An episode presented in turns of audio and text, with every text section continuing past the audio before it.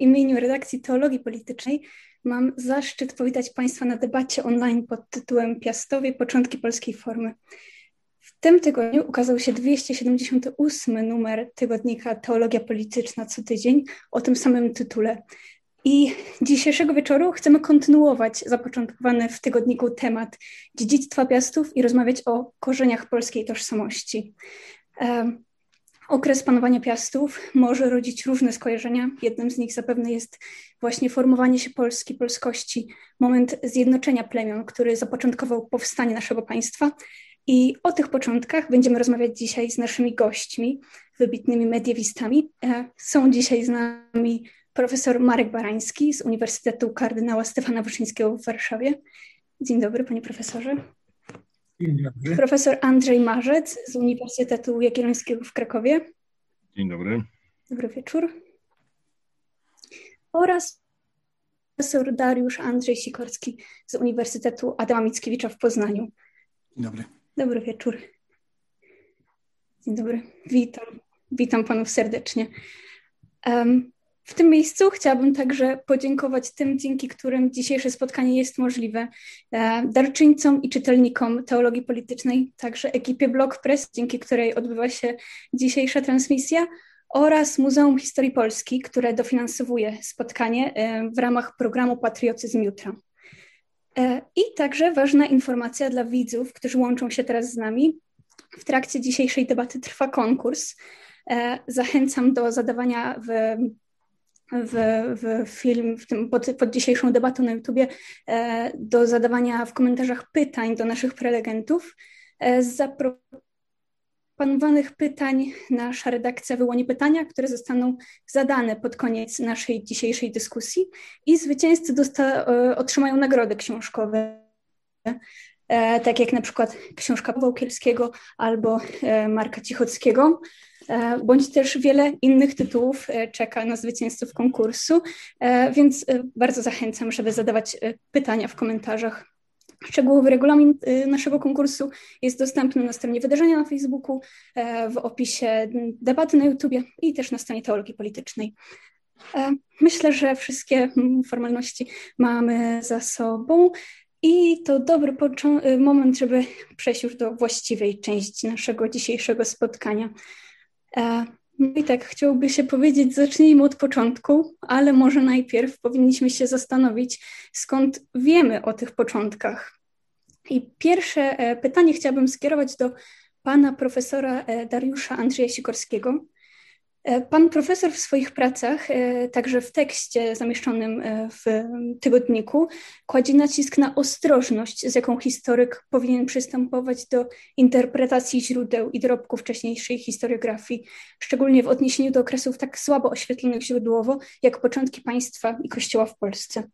Czy mógłby Pan powiedzieć o tych problemach i też o pokusach badawczych, które stają przed historykami zajmującymi się państwem pierwszych piastów?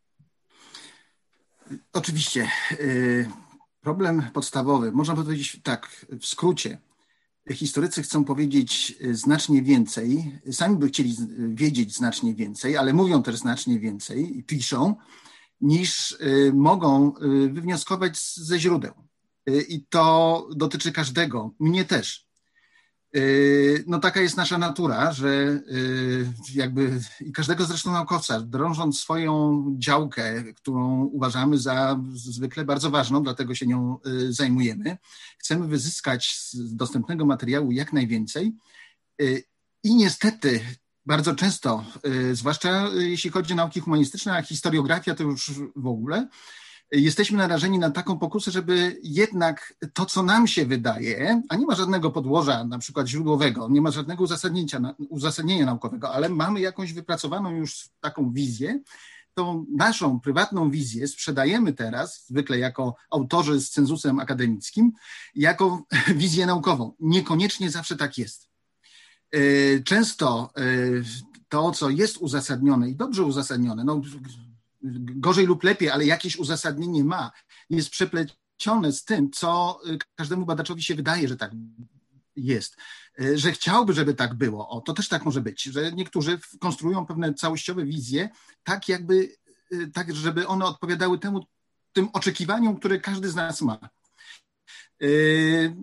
To najlepiej prześledzić na syntezach początków państwa polskiego, ale trzeba powiedzieć tak, mamy ich oczywiście kilka, ale gdyby każdy historyk próbował na własną rękę dokonać takiej syntezy, a niektórzy robią to w głowach na własny użytek, nie, nie piszą, ale sobie jakoś tam układają, to mamy tyle samo właśnie jakby tych obrazów, ile głów zajmujących się tym y, problemem. To jest oczywiście problem y, to, y, nie do rozwiązania, bo to jest specyfika w ogóle działalności naukowej.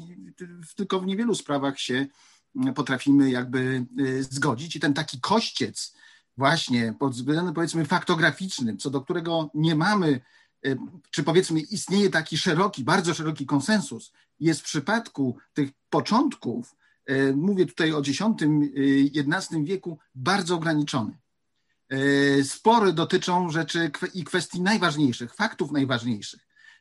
I to nie wszystko wynika z tego, że źródła, że ta podstawa źródłowa jest bardzo uboga, bo czasami historycy niwelują pewne źródła, które istnieją. Nie wykorzystują ich, nie badają tych źródeł, które są. I takim mogę podać tutaj dwa przykłady, żeby to było, y, y, przykłady to mogą lepiej zilustrować. Y, krakowska włócznia, która ma być darem od Tona III, tak przekazuje Gal Anonim, dla Bolesława Chrobrego, jest zabytkiem, można powiedzieć, jedynym swoim rodzaju, bo on bezpośrednio łączy, idąc za, tym, za tą relacją, od Tona z, z, z, od z Bolesławem i nas, jakby oglądających, dotykających ten, y, ten zabytek, y, z tymi osobami to jest taki jedyny moment, gdzie możemy prawie że fizycznie poczuć, jeżeli uwierzymy, że ten, ta, ta włócznia to jest właśnie ta i że w ogóle do tego faktu doszło, to jest ten moment, w którym yy, no, mamy tak, no niektórzy mogą to odbierać jako taką mistyczną jedność z tymi na, naszymi bohaterami, bo to jest ten, ten przedmiot, ten, ten konkret, nie jakiś tekst, nie nasze wyobrażenie, ale jakiś konkret. I ten zabytek o niezwykłej wadze jakby poznawczej yy, jest traktowany można powiedzieć tak, nie można, trzeba tak powiedzieć, on jest nieprzebadany. To, co my o nim wiemy, to są nasze wyobrażenia. To są nasze wyobrażenia, że tak jest. Wyobrażenia powzięte na podstawie tego, co Gal zapisał, a my nie mamy żadnej gwarancji, że Gal tą, tej opowieści sobie nie wymyślił, albo ktoś inny jej nie wymyślił, albo w każdym razie ta opowieść nie opowiada faktów, które rzeczywiście miały, miały miejsce. Żeby to stwierdzić, trzeba ten zabytek zbadać i się upewnić, czy w ogóle są jakieś podstawy, żeby go móc datować na ten okres, w którym on miał właśnie y, funkcjonować w tej opowieści galowej. A ten zabytek jest niezbadany, kompletnie niezbadany. Jest jedyny obszerny artykuł, kiedyś w roczniku krakowskim opublikowany, to już dawno, dawno y, temu, z bardzo kiepską, jedyną, jedynym zdjęciem tego zabytku, w internecie krąży wiele zdjęć e, tej włóczni, ale w większości są to, czy prawie wszystkie są to zdjęcia licznych, e, zdaje się, pięciu kopii, które funkcjonują. Nie ma dobrego zdjęcia. Ja miałem takie szczęście, że raz w życiu ten, ten, ten włócznie widziałem, miałem w ręku e, przy okazji, kiedy w 2016 roku była wystawa w Poznaniu i na jeden miesiąc tę włócznię archiwum, yy, kuria krakowska udostępniła, ale jest to zabytek kompletnie nieprzebadany. Tu mówię o pewnych faktach, które pokazują, że to nie jest tak, że my mamy już ten zasób źródeł wyzyskany, to dotyczy większej, pewnej grupy, szerszej grupy źródeł, że mamy te źródła już wyzyskane i tutaj jesteśmy jakby zniewoleni, już nic więcej nie zrobimy. Nie, jest jeszcze całkiem sporo. Druga rzecz, taka jakby która to ilustruje. To jest kwestia na przykład belki, y, tak, tak zwanej belki progowej z, z Palacjum y, na Ostrowie Tumskim, która jest kluczowa dla datowania całego tego zespołu. Po pierwsze, y, jest to zabytek, który na podstawie którego wnioskuje się, wyciąga się bardzo poważne wnioski, on dalej skutkuje, natomiast ten zabytek nigdy nie został opublikowany. To znaczy, autorka badań opowiada o nim, ale e, nikt inny nie może tego zweryfikować. Dzięki jej uprzejmości ja mogłem zobaczyć tą dokumentację i nie mamy tam do czynienia ani z belką progową, ani nie ma żadnych śladów, które by wskazywały, że ten kawałek drewna, właściwie dranicy, czyli takiej deski z fragmentem jeszcze pokazującym, że to na pewno nie mogło pełnić funkcji użytkowej, że on w ogóle był związany z, w jakikolwiek sposób konstrukcyjnie z tym Palacium. Nie może więc jego datowanie C14, dendrochronologiczne datować tego zespołu. Ale to wszystko oczywiście wynika z tego, że taki ważny zabytek nie funkcjonuje jakby poza tym, co jest dla nauki kluczowe, to znaczy możliwości zweryfikowania. Ja już przestanę tutaj dalej rozwijać ten wątek, bo większość y, rzeczy skrótowo oczywiście próbowałem jakoś zarysować w tym tekście, ale chcę na to zwrócić uwagę, że y, no, historycy też są czasami mitotwórcami, bardzo, bardzo, bardzo twórczymi i tworzą mity, które bywają bardzo długo, y, długotrwałe. Sami też konsumujemy twórczość mitograficzną naszych poprzedników, chociażby przez to, że krytycznie tych poglądów nie weryfikujemy. Dziękuję. Dziękuję bardzo, panie profesorze. E, tak, z, z jednej strony właśnie to są e, mity, nad którymi musimy teraz się zastanowić, ale też to nam daje właśnie tę możliwość, żeby dalej jeszcze móc na ten temat rozmawiać, dyskutować, e, z czego właśnie dzisiaj też korzystamy. Kolejne pytanie chciałam skierować do pana profesora Marka Barańskiego o jed, jedno z wyróżniających się wydarzeń podczas dynastii piastowskiej, e, jakim było rozbicie dzielnicowe. Obejmowało e, około połowy czasu panowania Piastów. I moje pytanie jest takie, czy rozbicie dzielnicowe to było zjawisko wyjątkowe, czy też typowe na tle europejskim? E, jakie decydowały o nim mechanizmy i czy możemy dzisiaj powiedzieć, że miało swoje dobre strony z perspektywy rozwoju państwa piastowskiego, e, ale też co zdecydowało o tym powrocie do Zjednoczonego Królestwa? Niewątpliwie było to coś, co występowało we wszystkich państwach Europy. To było raczej typowe. Zwróćmy uwagę na to, że Niemcy zjednoczyły się dopiero w XIX wieku że Włochy zjednoczyły się dopiero w XIX wieku. My byliśmy wcześniej, wcześniej się zjednoczyliśmy w XIV.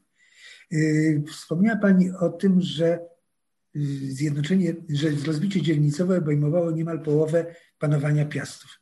W, części, w niektórych częściach Polski bardzo długo trwało. Na Mazowszu do końca panowania dynastii mazowieckiej Piastów, czyli do początku XVI wieku. Na Śląsku do połowy XVII wieku. Było to coś, coś oczywistego, że musiało coś takiego nastąpić w, w pewnym momencie. Dlaczego, dlaczego nastąpiło rozbicie dzielnicowe? Czasami jako przyczynę daje się rozdrobnienie dynastii. No ale ta dynastia miała wielu członków w czasach, kiedy rozbicia nie było. Ja myślę, że tutaj istotniejszą rzeczą jest to, że w pewnym momencie y, trzeba było zmienić system sprawowania władzy. Do czasów rozbicia dzielnicowego, kiedy tej ludności w Polsce nie było tak dużo, władca panował w ten sposób, że objeżdżał kraj. Jeździł od skupiska ludzi do skupiska ludzi, po to, żeby się pokazać, po to, żeby oni zobaczyli, że kto nimi rządzi, żeby pamiętali o tym, ale też, żeby powiedzieć, co on chce robić, żeby za, ukazać swoje, swoje decyzje, ale też i zorientować się w nastrojach. No ale ludności przybywało, było coraz więcej. Już w XII wieku władcy bardzo trudno było y, w ten sposób rządzić. Jedynym wyjściem to było zmniejszenie terytorium, skoro nie zmieniły się metody rządzenia, zmniejszenie te, terytorium, na którym y, władzę władca sprawował. I tutaj przydała się liczba, liczba y, członków dynastii, bo już wiadomo było w XII wieku, że w Polsce rządzić może tylko dynastia polskich panów przyrodzonych. I y, doszło, do tego doszła jeszcze jedna sprawa. W państwie przed, jeszcze zjednoczonym przed rozbiciem dzielnicowym y, była grupa możnych. Nie była to liczna grupa, to było ileś tam rodów, trudno powiedzieć dokładnie ile, ale to była niewielka grupa możnych ci możni sprawowali najwyższe urzędy. Najpierw tylko świeckie, typu wojewoda, typu pan grodowy, później kościelne, kiedy Polacy zaczęli sprawować funkcje kościelne. Ale tych możnych było coraz więcej.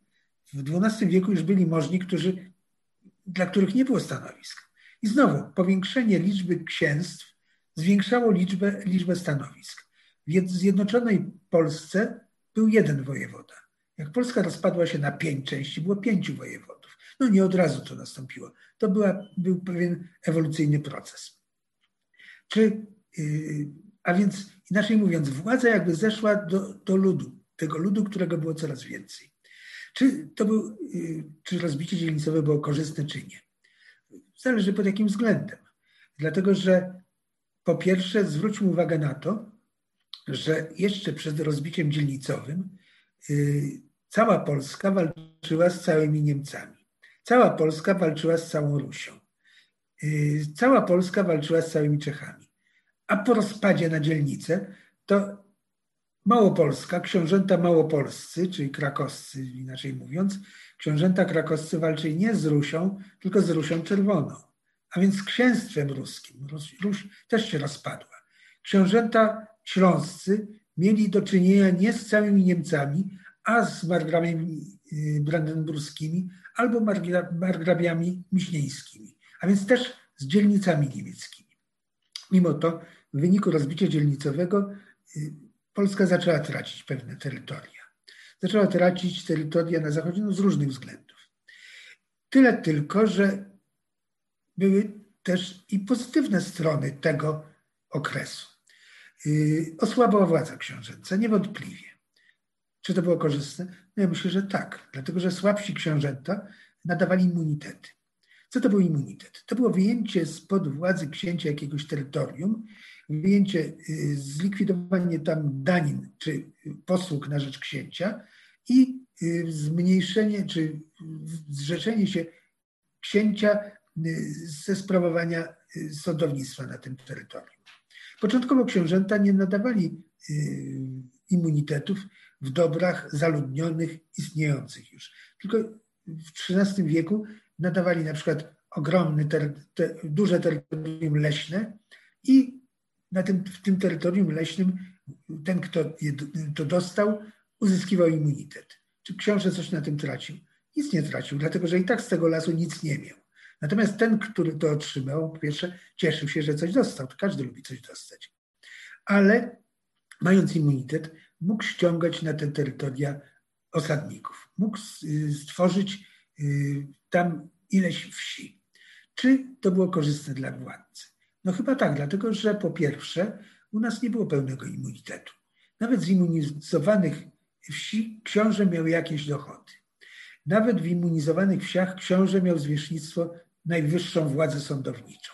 A co więcej, w takiej wsi y, blokowanej na prawie niemieckim, bo wprowadzono prawo niemieckie, które bardzo pasowało do tych nowych stosunków. W takiej wsi ten, kto wieś organizował, czyli sołtys, był też nie tylko y, poddanym pana wsi, ale też miał obowiązek stawać na wyprawy wojenne na wezwanie księcia. Co prawda tylko na 40 dni, bo tyle obowiązywało prawo feudalne, ale za to nic nie brał. Rycerze polscy za wyprawy wojenne pobierali żołd, a sołtys nie pobierał, było to tanie wojsko. Podobnie było zresztą w miastach. W tych wsiach, które powstawały w wyniku właśnie nadawania immunitetu, wprowadzono nowe metody gospodarcze. To jest przede wszystkim trójpolówka. Trójpolówka, która powodowała zwiększenie plonów. Już nie trzeba było mm, dzielić majątku na dwie części i jedna część była uprawiana, druga odłogiem leżała i czekała, aż się z powrotem użyźni, tylko dzielono na trzy części. A więc y, zysk, czyli plon był z dwóch trzecich obszaru, a nie z jednej drugiej. To był większy, większy y, zysk oczywiście. No i cały szereg innych tego typu rzeczy. Ja myślę, że tutaj jeszcze może dodam, że w wyniku tych procesów, które miały miejsce w czasach rozbicia dzielnicowego, do Polski wkraczał feudalizm. Mówi się o Polsce Mieszka I, że to był, było państwo feudalne. Nie. Według mnie przed rozbiciem dzielnicowym właściwie tego feudalizmu nie było. No, były jakieś zaczątki gdzie niegdzie.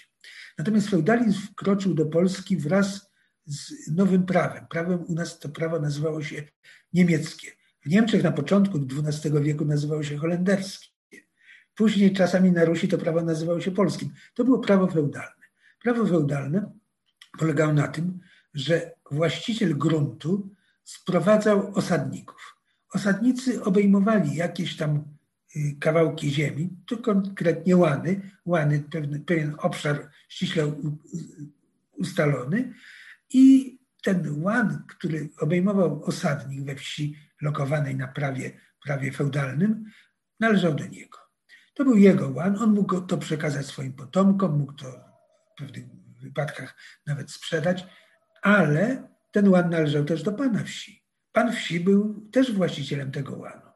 To było zupełnie tak samo jak na zachodzie Europy, gdzie książę nadawał rycerzowi lenno. To lenno należało do rycerza. To było jego lenno. Książę mógł je odebrać tylko w pewnych określonych wypadkach, kiedy rycerz nie wywiązywał się ze swoich obowiązków. Ale to lenno należało też i do władcy. Władca miał własność zwierzchnią, rycerz własność użytkową. Z tego, że rycerz miał własność użytkową, obowiązywała go pomoc i rada.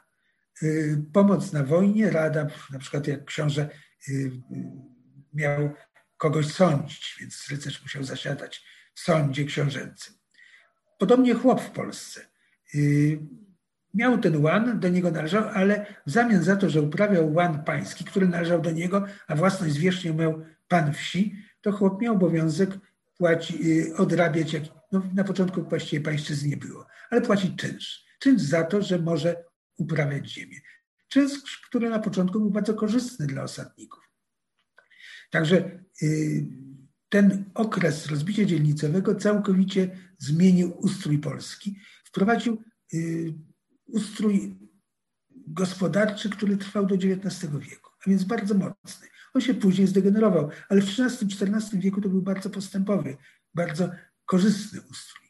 Co więcej, okres rozbicia dzielnicowego wprowadził podział administracyjny Polski taki, który utrzymał się do rozbiorów, a więc podział na województwa. Poszczególne księstwa miały, książęta mieli y, urzędników. Na czele urzędników stał wojewoda. Później ten wojewoda był po prostu y, głównym w województwie, w jednostce terytorialnej kraju. Wtedy też powstały urzędy, czy ukształtowały się ostatecznie urzędy kasztelanów. I ten ustrój trwał do, no, może dodam, że pod koniec rozbicia dzielnicowego wprowadzony był jeszcze ustrój starosty, y, urząd starosty. To było jeszcze troszkę co innego.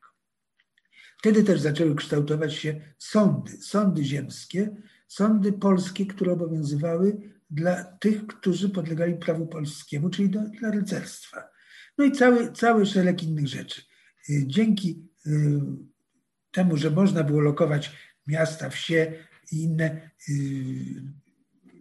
różne osady, wykształcił się, wykształciła się sieć miejska w Polsce, która istnieje do dziś.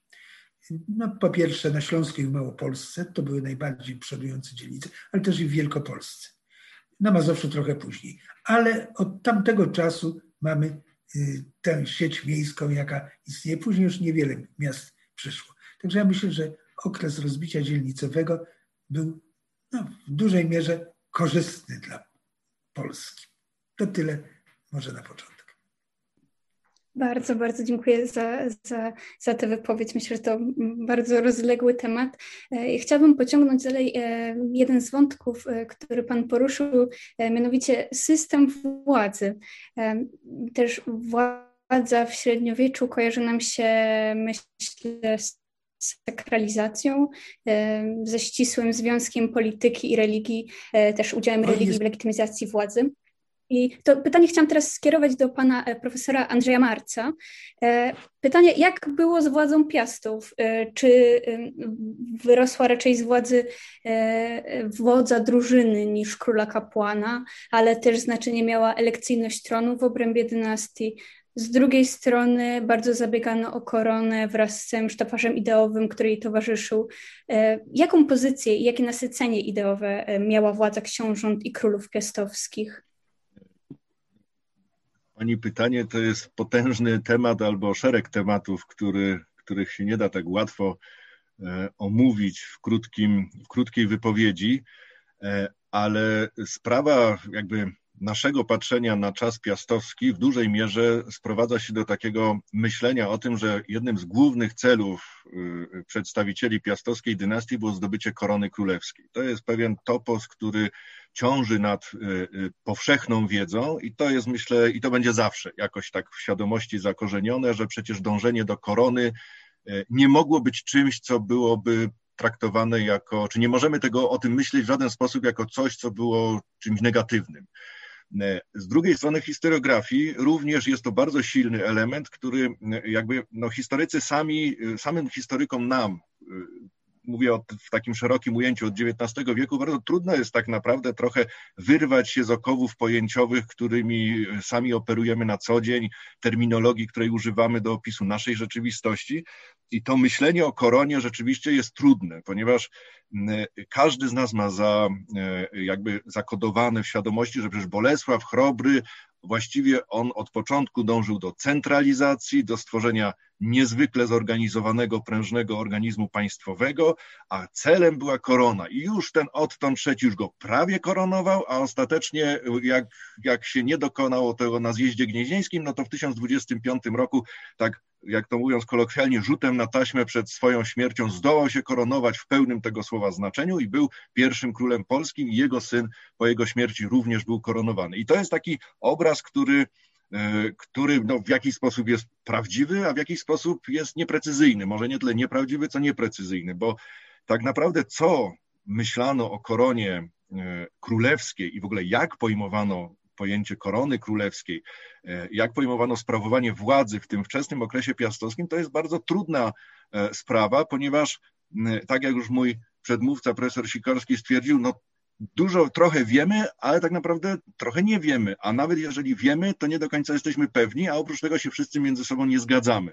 Ja może nie jestem największym specjalistą od spraw XI i X wieku, ale warto zwrócić uwagę na przykład, jakby idąc tropem wypowiedzi profesora Sikorskiego, o tym Gallu Anonimie, który jest przecież taką Biblią do dziejów wczesnego państwa piastowskiego. Nawet ten Titmar, który był bardziej współczesny, to jest tak trochę zawsze z boku, ale ten Gal to przecież on był naszym historiografem, on nas pisał. Ale proszę zwrócić uwagę, że Gal nigdzie nie napisał o koronacji Bolesława Chrobrego. On nawet nie napisał o koronacji Bolesława Szczodrego. E, o koronacji Bolesława Szczodrego, ile dobrze pamiętam, pierwszy datę podał rocznik krótki, Y, który powstał jeszcze później niż Kronika Galla Anonima. Jedyne, co wiemy z Kroniki Galla Anonima o tym, że Szczodry był królem, to jest jeszcze do tego wynik emendacji y, y, skutecznej zresztą i słusznej wydawcy XIX-wiecznego, który napisał, że, że Gal napisał, że nie powinien był pomazaniec na pomazańca ręki podnosić. Tak? No to jest jakby zawoalowana informacja o tej koronie, ale to świadczy właśnie o tym, że Gal nie może być źródłem, który opowiada nam wszystko tak, jak było, ale z drugiej strony to, jak opowiada o tym, jak było, już jest jakimś świadectwem rzeczywistości. I tutaj jest to problem, e, który, który na pewno będzie jeszcze bardzo dyskutowany, bo wydaje się, że w tym wczesnym okresie piastowskim korona była przedmiotem e, rzeczywiście ambicji niektórych, e, niektórych monarchów dynastii piastowskiej, ale ona nie była efektem jakby ambicji i celów, które by reprezentowały całość sceny politycznej i elity politycznej. Jednak to, to, to, nie jest coś, co jest charakterystyczne tylko i wyłącznie dla Piastów. To jest jakby e, cecha charakterystyczna ówczesnych czasów. To samo było w Czechach. Przemyślili również się z tym mocowali. Tam przecież pierwsze próby koronacji XI-wiecznej, e, XII-wiecznej zakończyły się niepowodzeniem. Pierwsza, co prawda, nie jakimś upadkiem dramatycznym, ale brakiem kontynuacji. Druga koronacja Władysława II była, zakończyła się wygnaniem króla i dopiero na przełomie XII i XIII wieku udało się dzięki, można powiedzieć, wsparciu e, cesarskiemu czy okolicznościom politycznym, jednocześnie przede wszystkim e, e, zgodzie społeczeństwa czeskiego, politycznego społeczeństwa czeskiego, zgodzie na to, żeby król został rzeczywiście powołany, namaszczony i żeby tron był dziedziczony w linii tegoż monarchy, czyli Przemysła Ottokara I. W Polsce trwało to dużo dłużej, a w XI wieku najwyraźniej nie było ku temu specjalnie e, żadnego klimatu. I my oczywiście jesteśmy niestety w takim, z takiej sytuacji, że bardzo bardzo niewiele na ten temat wiemy. Tu ta sprawa świętego Stanisława, której też tknąć się człowiek czasami boi, bo to przecież wzbudza do, do tej chwili wielkie, wielkie emocje, no ale no, no raczej nie ulega wątpliwości, że cała awantura polityczna, która się wokół tego działa, była związana z osobą Bolesława Szczodrego i z tym, jak on się zachowywał jako monarcha, jako król, jako monarcha koronowany. Upadek Mieszka II przecież nie był spowodowany tylko i wyłącznie nienawiścią sąsiadów i złymi Niemcami i wrażymi Rusinami, którzy wszyscy się chcieli na nas zemścić. Gdyby nie poparcie, które zyskał Bezprym, gdyby nie istniejące na pewno niechęć wobec monarchy wewnątrz kraju, no to jego władza by tak łatwo nie upadła. To nie dałoby się go po prostu wysiudać, y, y, musiałby ponieść totalną klęskę militarną na, no, no, na, na wojnie, w bitwie. No, o, o, o tym też nie ma, nie ma żadnej, żadnej informacji. Więc to jest bardzo trudne zagadnienie i ta, tak jak pani jeszcze wspomniała o tej sakralizacji, no właśnie sakralizacja tronu wcale niekoniecznie, czy władzy wcale niekoniecznie na początku musiała być czymś przyjmowanym bardzo, e, e, bardzo ufnie przez, przez otoczenie monarchu, bo no, sakralizacja wynosiła tego kogoś, nowa wiara, świeżo zakorzeniona, przychodzi, przychodzą duchowni, którzy mówią i którzy pokazują, że ten jeden jest przez tego waszego nowego Boga, on jest namaszczony, on jest ten jedyny i jemu się należy należy władza i to jest władza, która jest dana nie tylko przez was, jako tych, którzy, którzy go chcecie mieć na władcy, ale jest też przez tego już Boga dana, więc to na pewno mogło wzbudzać, mogło wzbudzać e, pewne wątpliwości, tym bardziej, że jak się przyjrzymy na tak nawet pobieżnie jakimś modelom, bo to tak jak tutaj pan profesor Sikorski wspomniał, to wszystko się obraca wokół budowania pewnych modeli historiograficznych, próbą otworzenia modeli władzy dynastycznej w ówczesnej Europie Środkowej, to przecież nawet e, w krajach niemieckich, tam gdzie, tam, gdzie wyłoniła się nowa władza cesarska w X wieku, e, czyli dynastia ottońska, jakie tam były napięcia wokół właśnie wykreowania królewskiej władzy e, wśród Sasów.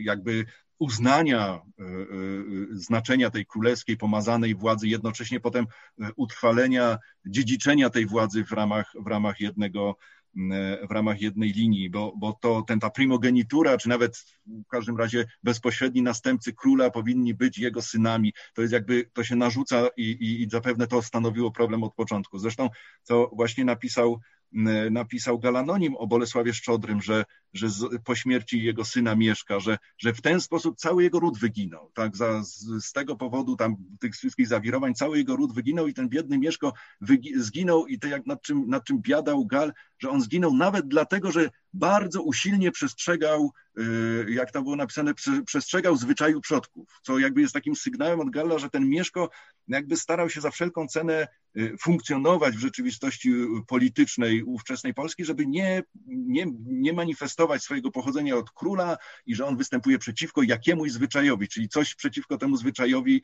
y, mogło być, skoro on tak strasznie go przestrzegał. No oczywiście to są wszystko takie takie dywagacje. No i oczywiście to skutkuje w historiografii, jeżeli możemy tak powiedzieć, bo, bo, bo to jakby jest najbardziej znaczące ze względu, że z, z badań historyków e, schodzi niżej poziom upowszechniania wiedzy i to, co my e, wymyślamy, to, co my staramy się wyjaśnić, gdzieś tam potem zstępuje niżej. E, no wśród historyków zawsze była ta, taka tendencja, że jak już ten król upadał, no to władza y, y, i siła tego państwa też spadała. To, że ten Władysław Herman to on już nie był taki jak Szczodry, no bo już nie był królem, nie zgodził, odesłał koronę, no co on tam nie zrobił, ale już nie był królem. A jak nie był królem, to wiadomo, że ta jego władza musiała być, tak a priori przyjmuje się trochę gdzieś podświadomie, że ona musiała być trochę słabsza. No to wcale nie wiadomo, czy była słabsza.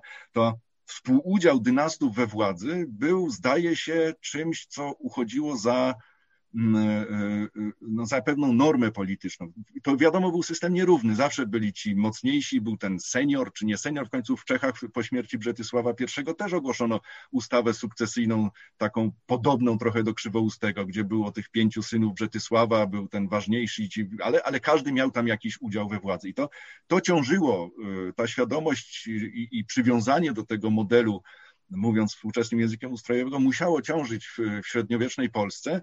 E, I oczywiście mm, mogło, można tak uznać, że mogło mieć, e, e, w tym mogła leżeć również przyczyna podziałów dzielnicowych. Chociaż ja uważam, że podziały dzielnicowe wynikały nie tylko z jakiejś ciągłości i bardzo dużej siły oddziaływania tego pierwotnego myślenia ustrojowego, co raczej to, z czego również czasami sobie zapominamy, czy nie, jakby nie zdajemy sprawy albo gdzieś nam to umyka, że to były czasy bardzo dynamiczne, tak jak wszystkie czasy.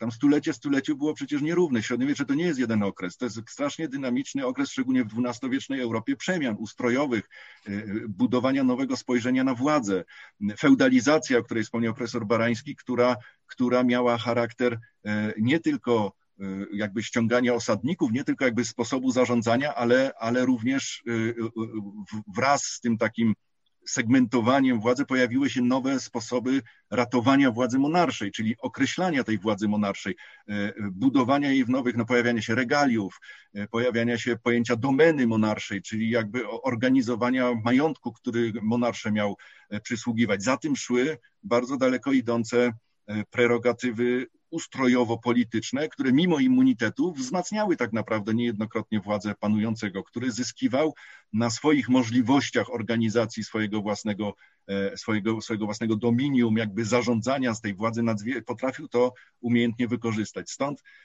tacy, tacy piastowie, którzy jak na przykład Henryk Brodaty, czy nawet wcześniej Mieszko III Stary, albo ojciec Henryka Brodatego Bolesław Wysoki, to byli monarchowie, którzy na przykład w dawnej historiografii uważani byli za takich, którzy kultywują dawny wczesnopiastowski, silną, silną władzę królów y, i książąt piastowskich z okresu XI-X wieku. A chyba jednak oni byli pionierami nowoczesnego rozwiązania ustrojowego, nowych sposobów zarządzania, e, jakby y, przełamujących y, postępujące osłabienie władzy książęcej. To są dosyć skomplikowane problemy, w których ta korona, znaczenie sakralizacji władzy, to wszystko się jakby zmieniało i to, co się wydarzało w okresie XIII wieku, było czymś już zupełnie innym niż to, co się działo w wieku XI. To były przecież dziesiątki lat przemian, które, no, no, które nie mogły pozostać jakby bez śladu i można sam starałem się w, w tekście zaproponować taki, taki pomost między tą wczesną koroną a Władysławem Łokietkiem, że gdzieś ta jakaś spójność jest, ale, no ale trzeba jednak pamiętać, że Władysław Łokietek koronował się w zupełnie innym świecie niż to miało miejsce w wieku XI, wśród zupełnie innego społeczeństwa i w zupełnie innej świadomości. Nawet jeżeli istniały, e, a wówczas przecież istniały próby budowania takiego zaplecza ideowego opartego o historiografię, no, choćby sama idea korony w XIII wieku została zbudowana według mnie na jakby krytycznym, a może nie krytycznym, to twórczym podejściu do istniejącego już dorobku piśmienniczego i tradycji przekazywanej na różne sposoby co do, co do dynastii piastowskiej, co do państwa polskiego, co ziem polskich, rozumienia tego, tego w ogóle terminu.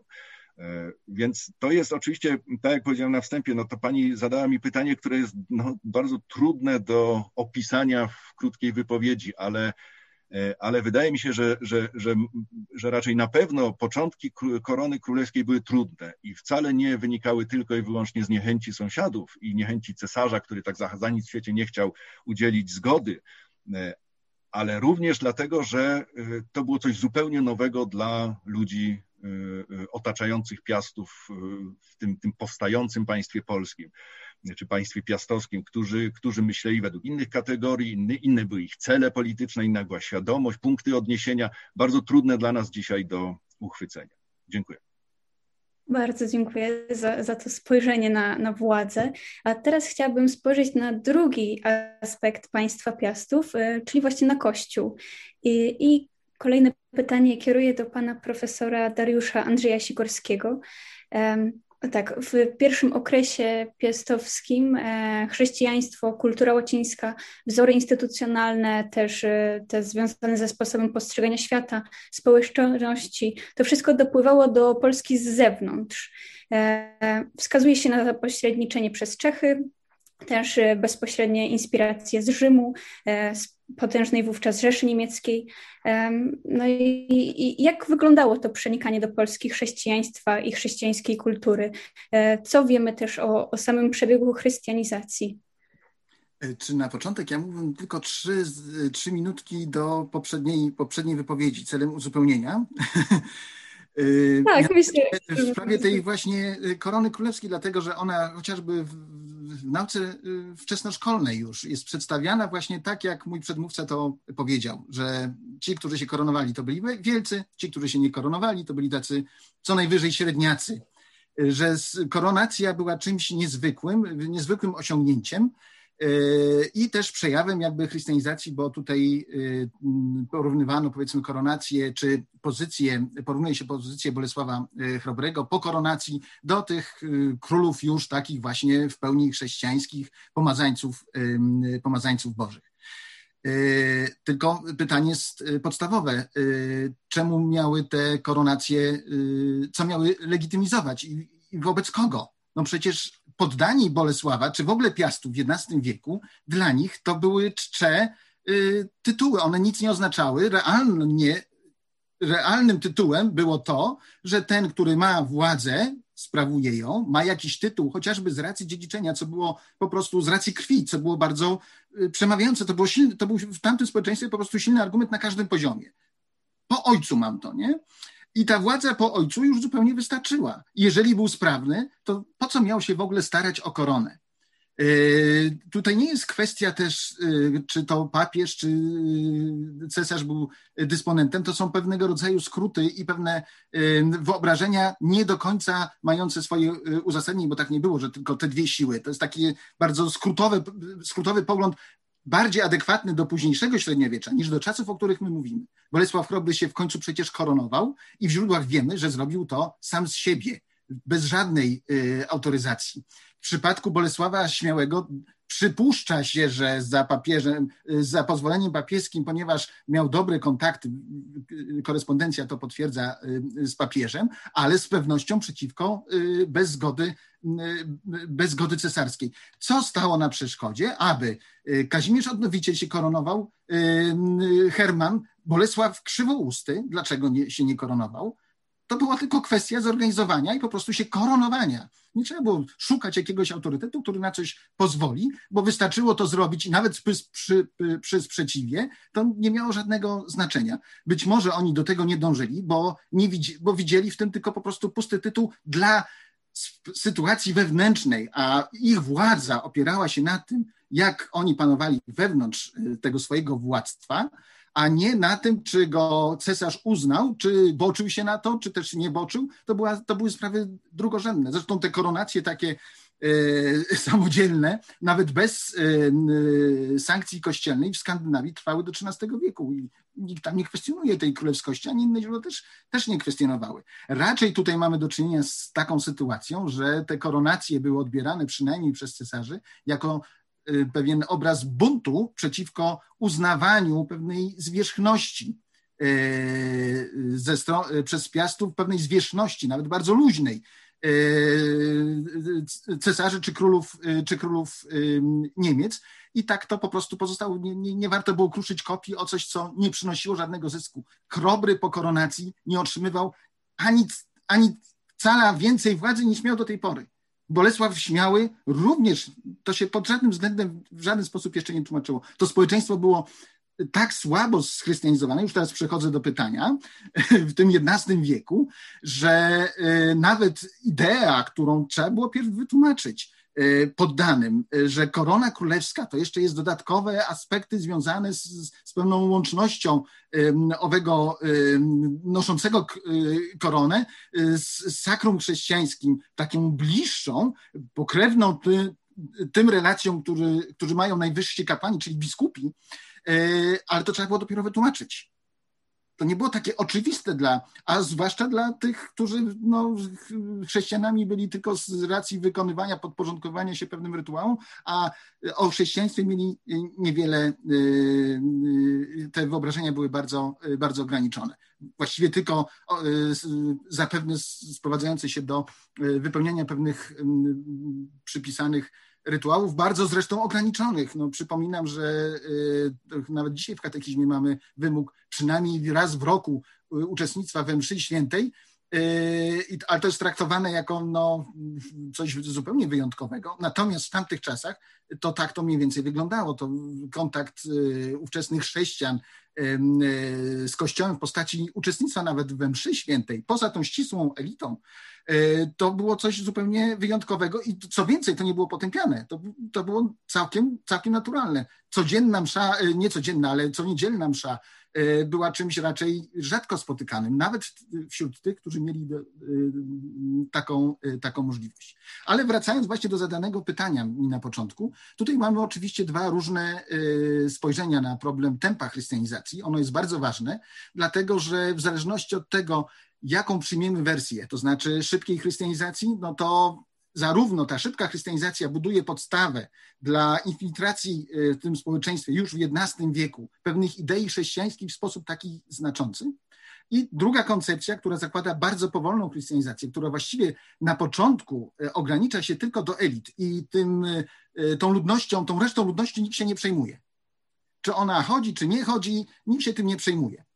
E, to jest jakby religia owych elit e, i e, ta chrystianizacja następowała, ta właściwa chrystianizacja, która zeszła dopiero do, do ludu, to jest wiek, to jest powiedzmy koniec XII, a z pewnością XIII, XIII wiek, kiedy rzeczywiście ten lud zaczyna być chrześcijański, to znaczy taki, który ma dostęp do nauczania chrześcijańskiego poprzez kapłana, który jest w miarę blisko, 15-20 kilometrów, ale co jakiś czas istnieje ten kontakt, chociażby wymuszony tym, że w XIII wieku już z pewnością mamy do czynienia z y, dziesięcinami i z, y, z zainteresowaniem y, kapłanów tym, aby te dziesięciny pobierać. Oni musieli to fizycznie jakoś sobie zorganizować, musieli być.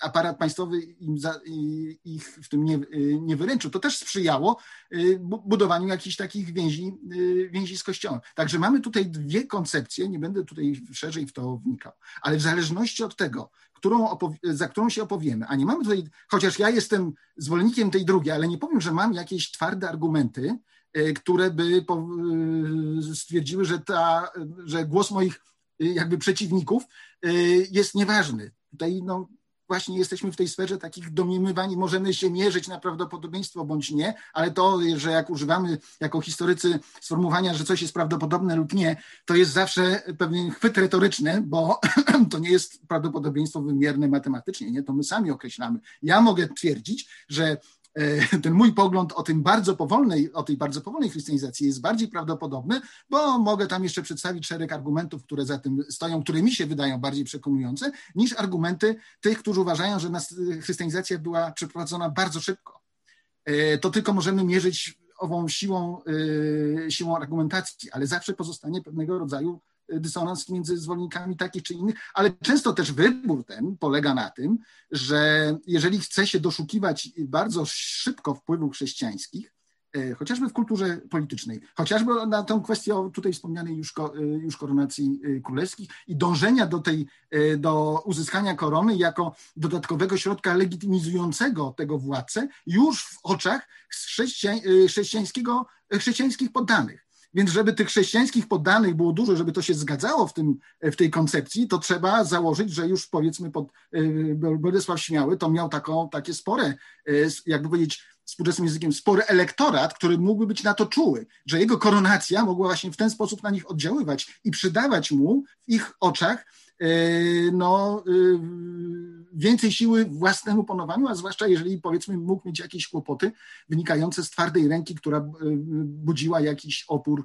Mm, no już wiemy, jak źle skończył, że jakiś opór e, musiał być, więc być może już wówczas wyczuwał, że należy, że należy się jakoś tutaj wesprzeć dodatkowym czynnikiem e, legitymizującym tą jego pozycję, która by go immunizowała od wszelkiego rodzaju zamachów, chociaż to zawsze było w rzeczywistości dość słabym argumentem. W Niemczech czy w innych krajach przecież nie zawraca, podejmując bunt przeciwko legalnemu władcy, nie zawracano sobie głowy tym, że on jest właśnie władcą y, koronowanym. Nie? Wystarczyło po prostu zmienić, będzie nowy władca koronowany. Także y, tylko wskazuje tutaj na ten konflikt, na dzisiejszej historiografii ta dyskusja, jeśli chodzi o chrystianizację, właśnie jedna z osi tego konfliktu przebiega wzdłuż tej tego tempa. Druga sprawa, którą chciałbym poruszyć z wielu ważnych, ale tą szczególnie, mianowicie to jest bolączka e, polskiej historiografii od bardzo, bardzo e, dawna i do dzisiaj, pomimo że już tak być nie powinno. Mianowicie, kiedy mówimy o początkach Kościoła w Polsce, to te początki były rozpatrywane w odniesieniu do instytucji Kościoła, która w tym X-XI wieku jeszcze nie funkcjonowała. To znaczy do instytucji Kościoła znanej nam z czasów późniejszych, to znaczy tak, po, po okresie tak zwanej reformy gregoriańskiej, czyli z XII wieku. A tutaj różnice są kolosalne, to znaczy Kościół funkcjonujący mniej więcej do połowy, jeszcze przed Grzegorzem, ale do połowy XI wieku, to jest Kościół pod wieloma względami naprawdę inny od tego, co y, ta reforma, y, zapewne niesłusznie nazwana gregoriańską, bo ona wiele spłyc, ale już nie będę w to wchodził, ta reforma dwunastowieczna y, zrobiła z Kościołem i, i jak go przeformułowała, a świadectwo tutaj takie najbardziej wygląda są akta Soboru Laterańskiego z 1215 roku. I bardzo często, jeszcze pamiętam profesora Labudę, który twierdził, że książka Abrahama e, o początkach Kościoła w Polsce z 1890 roku, coś koło tego w każdym razie, była dla niego punktem z wyjścia zawsze dla wszelkich analiz związanych z życiem, e, z Kościołem w tym wczesnym okresie. Nawet fakt, że Abraham do, później jakby na, dołączył do tych historyków, którzy zmienili pogląd i widzieli to zupełnie inaczej, chociaż on się generalnie y, średniowieczem poza tą książką y, nie zajmował, to y, tutaj to nic nie zmieniło, ale to pokazuje, jak nawet najwybitniejsi historycy zasklepili się w pewnej fałszywej wizji Kościoła. I tą fałszywą wizją Kościoła uzasadniali pewne czy pewne sprawy związane z początkami Kościoła w Polsce, dokonując właśnie pewnego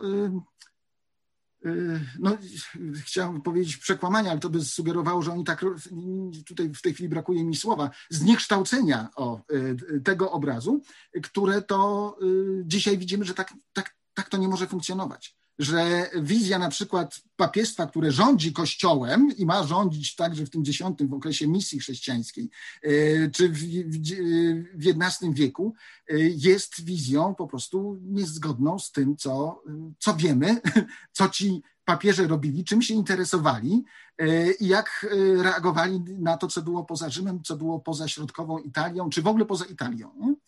Y, ale to trzeba mieć jakby y, no, spojrzenie y, uwzględniające to, że historia Kościoła ma jedną bardzo wyraźną, czy najważniejszą cezurę, może jedną z dwóch powiedzmy, bo jeszcze tu mamy okres IV wieku, to jest właśnie ta reforma gregoriańska. Ona przepaławia dzieje Kościoła na dwa okresy, przed i, i wyraźnie to przepaławia na przed, przed i po. I to trzeba sobie uwzględnić.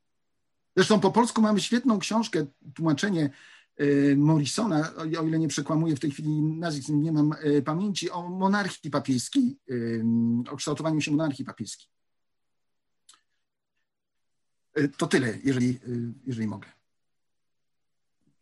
Tak, bardzo, bardzo dziękuję e, za to zarysowanie problematyki chrystianizacji. Wydaje mi się, że straciliśmy połączenie z panem profesorem Andrzejem Marcem. Mam nadzieję, że, że, że wróci do nas e, wkrótce. E, zatem e, moje pytanie teraz do pana profesora Marka Barańskiego. Polska Piastów wielokrotnie stanowiła punkt odniesienia w późniejszych epokach. W czasach królów elekcyjnych odwoływano się do króla Piasta jako pewnego zagubionego ideału. W oświeceniu szukano początków wspólnoty. W czasach PRL potrzeba polityczna legitymizacji ziem zachodnich i podkreślenie konfliktów z Niemcami w średniowieczu miały swoje znaczenie przy modelowaniu narracji o piastach. E, jaką dzisiaj refleksję budzi taka świadomość zmieniających się uwarunkowań opisywania pierwszych wieków państwa polskiego i e, co my dzisiaj możemy uchwycić, zaczerpnąć od piastów? Może zacznę od tego innego. Y, nie tylko na terenie Królestwa Polskiego pojawiła się w XVII-XVIII wieku idea piastów, nawiązanie do piastów. Chcę zwrócić uwagę, że przedostatni piast żyjący, książę Chrystian Legnicki, swojego syna, y, który później nazywał się Jerzy Wilhelm, chciał nazwać Piast. Zdawał sobie sprawę z tego, z jakiego rodu pochodzi i chciał go nazwać Piast, nie zgodził się pastor. Pastor wytłumaczył, że takiego imienia nie ma. Wobec tego ten młody książę został nazwany Jerzy Wilhelm.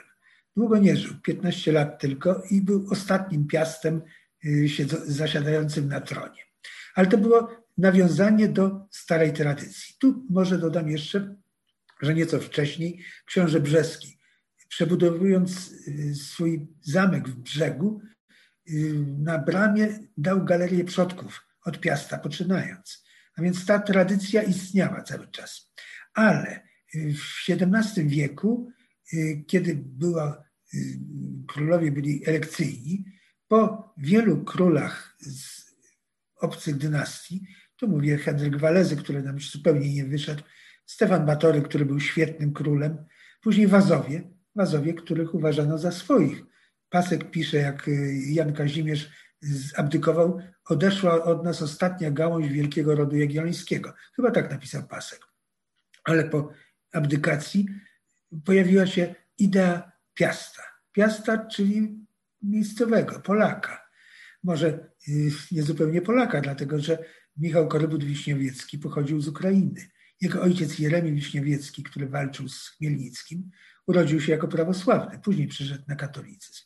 Ale, ale to był nasz, z naszego królestwa człowiek i został wybrany na króla. Później był znowu Sobieski po Michale Korybucie. Ta idea Piasta istniała. Bardzo ożywiła się w XVIII wieku, kiedy zaczęła pojawiać się historiografia, już nie kroniki, y, tak jak dawniej, ale naukowa historiografia y, pod piórami takich historyków, chociażby później jak y, Naruszewicz. Tu odwoływano się do, do historii Piastów. To, co pani powiedziała w XX wieku. W XX wieku były dwie idee historii Polski. Jedna to była idea jagiellońska, tak to się przyjmuje. Idea jagiellońska, która nawiązywała do Unii, szerokiej Unii Polski, Litwy, Rusi, y, a więc jakiegoś państwa federacyjnego w tej części Europy. To, ta idea zupełnie nie pasowała po wojnie. Po wojnie, kiedy Polska została zepchnięta do tych granic, w jakich jest obecnie, i y, idea jagiellońska przy istnieniu Związku Radzieckiego absolutnie nie wchodziła w grę. Wobec tego trzeba było na, po, cofnąć się do idei piastowskiej. Wydawało się, że idea piastowska jak najbardziej pasuje. Mamy granice po ostatniej wojnie. Mamy granice takie, jakie miał Bolesław Chrobry czy Bolesław y, Krzywousty. Y, mamy y, podobne idee walki z Niemcami przede wszystkim. Zapominano, że Bolesław Chrobry prowadził też wojny z Rusią, że Bolesław Szczodry prowadził wojny z Rusią, że inni książęta piastowscy też walczyli na granicy. Ale tu ta idea piastowska była potrzebna po to, żeby zalegalizować przeniesienie się Polski na ziemię zachodnie. Ziemie zachodnie, takie jak Śląsk, yy, które w początkach państwa polskiego należały do Polski, a teraz znowu należą przez całe wieki były czeskie albo później nawet pruskie.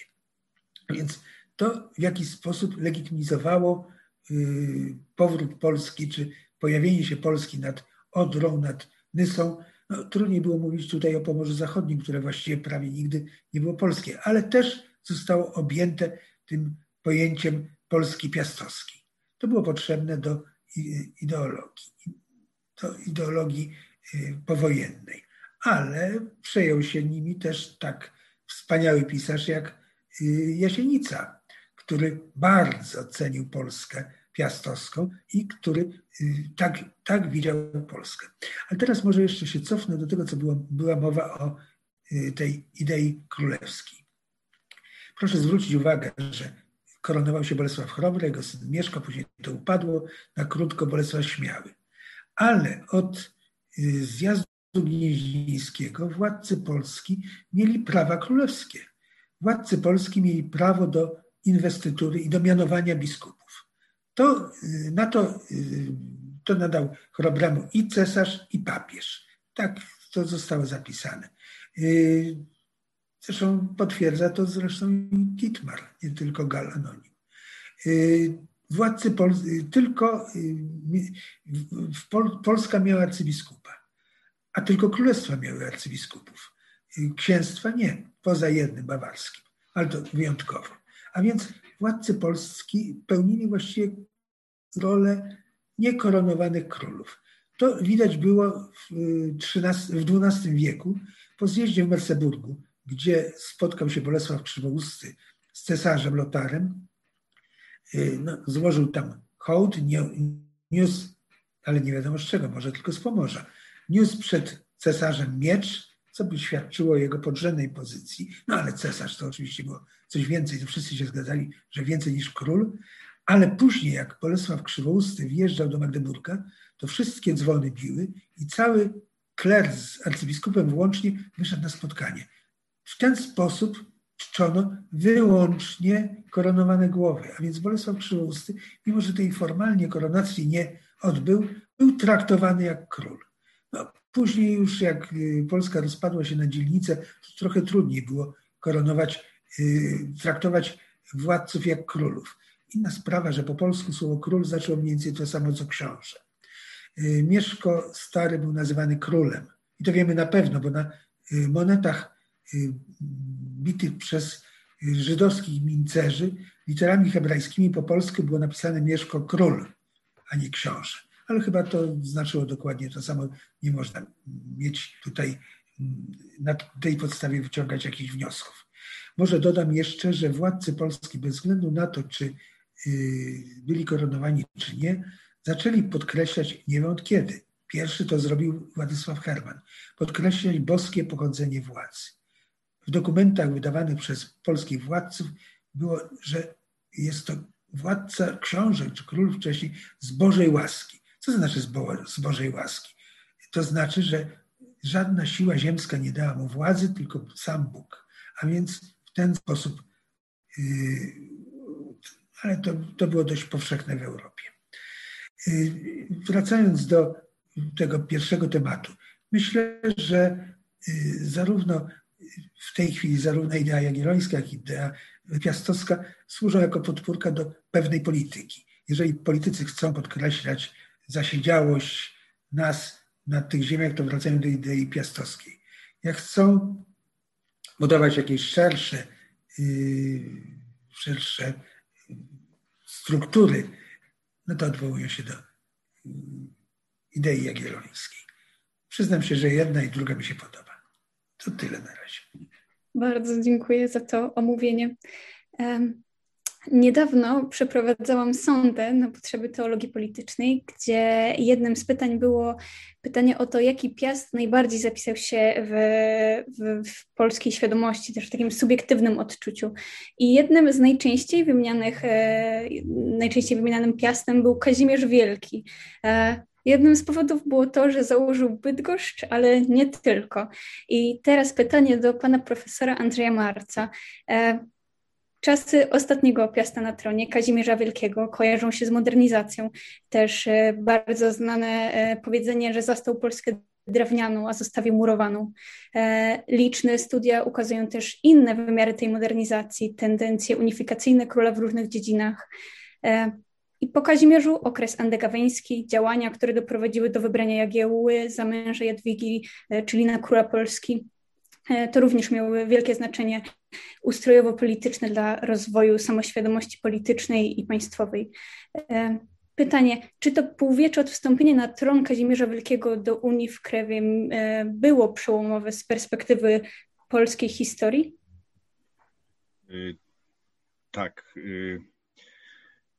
No, z punktu widzenia historii to nie wiem do końca, jak to rozumieć, bo wydaje mi się, że z punktu widzenia przede wszystkim ówczesnego ówczesnych, ówczesnej rzeczywistości, kiedy, e, kiedy doszło do rzeczywiście istotnych zmian i społecznych, i ustrojowych, no i no samo powstanie Królestwa Polskiego. Możemy już tutaj pominąć dyskusję na temat, czy to było zjednoczenie, czy to było odrodzenie, ale tak czy inaczej było to powstanie Królestwa Polskiego, które objęło większą część, znaczy większą, znaczną część ziem rządzonych przez Piastów było samo w sobie pewnym przełomem, który no, no musiał jakoś się uzewnętrznić, ponieważ no, trzeba zdać sobie sprawę, że w momencie koronacji Władysława Łokietka w 1320 roku jeden monarcha, już po raz drugi, ale czasy Wacława II możemy jakby na razie zostawić, bo były krótkotrwałe i nie można o wszystkim powiedzieć, ale były, e, e, ten moment koronacji był bardzo ważny, ponieważ jeden monarcha zaczął panować nad szeregiem dotychczas podzielonych terytoriów, w których każde terytorium miało swojego księcia, e, a nawet jeżeli nie miało swojego, to jeden rządził co najwyżej dwoma, a w każdym razie było to w ramach tego całego, całego tego przekładańca piastowskich władz. Każda z tych ziem, każde z tych księstw posiadała własną już uformowaną elitę urzędniczą i tym samym elitę polityczną. Była struktura urzędów ziemskich, były urzędy dotychczas dworskie, które stawały się powoli urzędami ziemskimi, ale to powodowało, że jeden monarcha zaczynał panować nad bardzo skomplikowaną strukturą e, taką polityczno-społeczną, o różnych ambicjach, o różnych wewnętrznych y, sprzecznościach, no i przede wszystkim bardzo nie, y, jakby niejednorodną wewnątrz samej siebie, bo y, to się tak mówi, że tu w XIV wieku Królestwo Polskie, rycerstwo, szlachta i tak dalej budowało swoją pozycję. To jest bardzo daleko, dalekie uproszczenie, bo co to znaczy rycerstwo, szlachta? Co to znaczy świadomość szlachecka? Tutaj się krzyżuje cały szereg różnych, różnych problemów, takich jak na przykład organizacja rodowa rycerstwa, sama będąca przedmiotem dyskusji, ale czy te rody były takie, czy owakie, ale były, tak, istniały. One, one były punktem odniesienia w tożsamości takich rycerzy, a jednocześnie formowała się tożsamość szlachecka stanowa, która miała charakter horyzontalny, czyli jakby równy dla wszystkich. Tymczasem rody miały charakter wertykalny, o charakter, o, miały mimo, mimo swojej płynności, były do pewnego stopnia organizacjami hierarchicznymi. Do tego dochodziły y, istniejące już wówczas y, bardzo silnie i wymagające, to jest bardzo ciekawy zresztą problem, mm, który, który mnie też w jakiś sposób nurtuje, i istnienie świadomości terytorialnej już u zarania Królestwa Polskiego, która właśnie byłaby efektem y, długotrwałego podziału dzielnicowego, czyli wykształcania się tych społeczeństw, społeczności zamkniętych w pewnych granicach, które jednak były uświadomione. I nawet jeżeli istniali współrodowcy, istniała wymiana gospodarcza, były majątki w różnych ziemiach, no to były w różnych ziemiach i świadomość tej różności ziem była na pewno mocno osadzona. I nagle jeden monarcha nad tym zaczyna panować, jeden monarcha dysponuje wszystkimi królewszczyznami we wszystkich tych e, poszczególnych e, częściach e, Zjednoczonego Królestwa i na wstępie, to jest moja, to tak jak pan profesor Sikorski powiedział, jest to bardzo prawdopodobne, to znaczy ja tak uważam oczywiście, że monarcha ten e, na początku zdobywał znaczącą przewagę nad swoimi poddanymi, ponieważ nagle w jego rękach znajdowało się cały szereg narzędzi takiego bezpośredniego możliwości wykorzystania, nawet jeżeli ta domena monarcha była jeszcze zaniedbana, wymagała nie wiadomo jakich tam reform i melioracji, to na wejściu taki monarcha zdobywał przewagę nad tym bardzo zróżnicowanym społeczeństwem politycznym, bo ja już nie mówię o społeczeństwie jako takim, tylko oczywiście o tych ludziach, którzy byli świadomi uczestnictwa w jakiejś rzeczywistości politycznej, mniej lub bardziej. E, I to przełomowość według mnie panowania Kazimierza Wielkiego z perspektywy czasu chyba objawia się tym, że był to monarcha, który potrafił tę przewagę wykorzystać nie, nie, pytaniem, na które chyba nigdy nie zdobędziemy odpowiedzi, było na ile on rozumiał to tak, jak my to rozumiemy, ale niewątpliwie był w stanie wykorzystać posiadane w ręku atuty, żeby e, szereg rzeczy w tym kraju, że tak powiem, rządzonym przez siebie, w tym królestwie zrobić całkiem dobrze. O tym, że były to działania skuteczne, świadczy to, że wiele rozwiązań zaproponowanych czy wprowadzonych w życie monarchii kazimierzowskiej przetrwało rzeczywiście bardzo długo i nawet jeżeli ulegały potem przemianom, to odwoływano się do pewnego fundamentu, który, którym takim symbolem są statuty Kazimierza Wielkiego. Tak? One nie są co prawda żadną kodyfikacją prawa, tylko są najwyżej spisaniem pewnych kluczowych, najważniejszych problemów i próbą narzucenia pewnych nowych rozwiązań ustrojowych w miejsce może nie tyle dawnych, co w miejsce takie, w takie miejsca, gdzie, gdzie ten zwyczaj prawny był słabo funkcjonujący i powodował rozliczne konflikty. Tutaj w szczegóły nie chcę wchodzić, tu można by o tym mówić. To są, to są dosyć skomplikowane i takie bardzo szczegółowe rzeczy, które, które no, są bardzo fascynujące, ale to bym zanudził tutaj wszystkich y, y, całkowicie. I te e, e, działania Kazimierza oczywiście można nazwać, że była Polska. To, to, to jest to o tym, że Polskę został drewnianą, zostawił murowaną, no to to już napisał Jan z Czarnkowa w jakiś sposób, opisując, czy właśnie kronika katedralna krakowska, opisując ile to on tych zamków to, to, to już właściwie w momencie zgonu króla on już zaczął być mitologizowany, co jakby świadczy o, o, o tym, że jego, e, jego panowanie musiało mieć dosyć pozytywny oddźwięk i nawet jeżeli dobrze wiemy, że rodziło szereg napięć. Te napięcia uwidoczniły się w czasach andegaweńskich, ale to jakby próbując się trzymać tego pani pytania, no to ten cały szereg zmian, które wprowadził król, które wzmocniły jego władzę, y, doprowadzenie systemu starościńskiego do takiego apogeum znaczenia, wypracowanie systemu sądownictwa e, prawa polskiego, prawa niemieckiego, e, które te systemy rzeczywiście zaczynały działać dosyć sprawnie i przez następne kilkadziesiąt lat działały zupełnie skutecznie, a właśnie w czasach andegaweńskich zdaje się wykazywały całką, całkowicie dobrą żywotność w obliczu braku króla w kraju. Tak? Królowa Elżbieta nie była w stanie zastąpić monarchy y, w pełni, a to wszystko jakoś tam działało. I e, jakby nie do końca chyba zaplanowana przełomowość panowania Kazimierza była właśnie w tym, że jego intensywna melioracja królestwa, która dotyczyła przede wszystkim majątków królewskich, miast królewskich, zamków królewskich, oczywiście nie budował żadnych pasów obronnych na granicy z Czechami, to jest, to jest też jeden z mitów historiografii polskiej, ale zamki budował, bo tam organizował majątki królewskie wokół tych zamków, była służba policyjna w tych zamkach, która pilnowała porządku. To wszystko powodowało jakby nie do końca zamierzony sposób, że poddani króla zaczynali dostrzegać jakby uświadamiać sobie znaczenie królestwa jako takiego i jednocześnie coraz bardziej uświadamiać sobie swoje znaczenie w tym królestwie. E, zaczęli dojrzewać do tego, to tak ładnie oczywiście trochę protekcjonalnie brzmi z naszej strony, ale opisowo dobrze wygląda, zaczęli dojrzewać do tego, że w momencie, w którym tego króla zabrakło i po krótkim okresie takiego zawahania, co zrobi nowy król, przyjechał, Ludwik przecież nie był w ogóle kwestionowany, to też jest, Ludwik był od razu przyjęty jako władca uznany, zostawił matkę, on wyjechał natychmiast po koronacji, w ogóle się nie, o nic się nie obawiając, zostawił matkę i ta Elżbieta, siostra Kazimierza, była za królową uważana. Po krótkim okresie takiego chyba oczekiwania na to, co zrobi król, zaczęło się rodzić dość szybko i dość sprawnie poczucie, że my tu musimy pilnować swoich interesów jako grupa polityczna, jako grupa społeczna, ale musimy również pilnować interesu królestwa, którego częścią zaczynamy być. I to był przywilej Koszycki, tutaj był tego śladem i to nie żadne dwa grosze złana, które są wyciągane jako taki z kapelusza królik, jakie to nie wiadomo, co to się, co się działo, że król ustąpił, że dawniej było 12 groszy, a nie było żadnych 12 groszy, nieważne.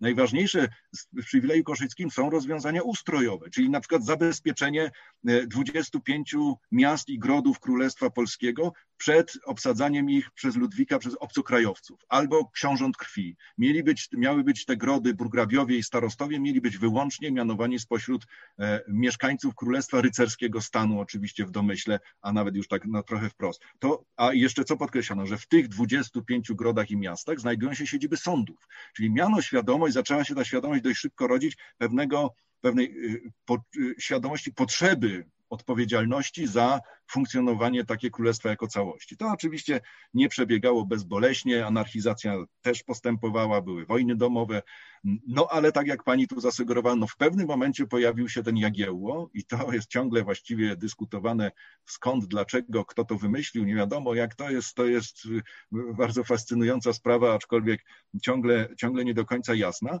E, te 12 lat rządów Ludwika plus y, y, krótki, no, długi stosunkowo, ale krótki w perspektywie czasu okres dynamicznego bezkrólewia, nagle spowodował, że Jagiełło, który przybył do Polski, przybył do Królestwa Polskiego, w którym zastał zupełnie inne społeczeństwo polityczne niż to, którym, y, które opuszczał Kazimierz Wielki. I ta przełomowość w stosunku do y, te, te kilkadziesiąt lat rządów Kazimierza Wielkiego i Ludwikowego i bezkrólewia właśnie polegał z jednej strony na ogromnej melioracji królestwa i wzmocnieniu aparatu władzy monarszej, a jednocześnie obudzenia poczucia e, wspólnoty królestwa w elitach politycznych. Tak jak mówię, oczywiście to jest pewnie uproszczenie, bo za tym szły ogromne animozje, ogromne, e, e, ogromne awantury, mówiąc krótko, no tak jak mówię, wojna domowa w Wielkopolsce, która była nie na żarty, pojawiły się, pojawiły się napięcia i te napięcia właściwie towarzyszyły Rzeczpospolitej do końca,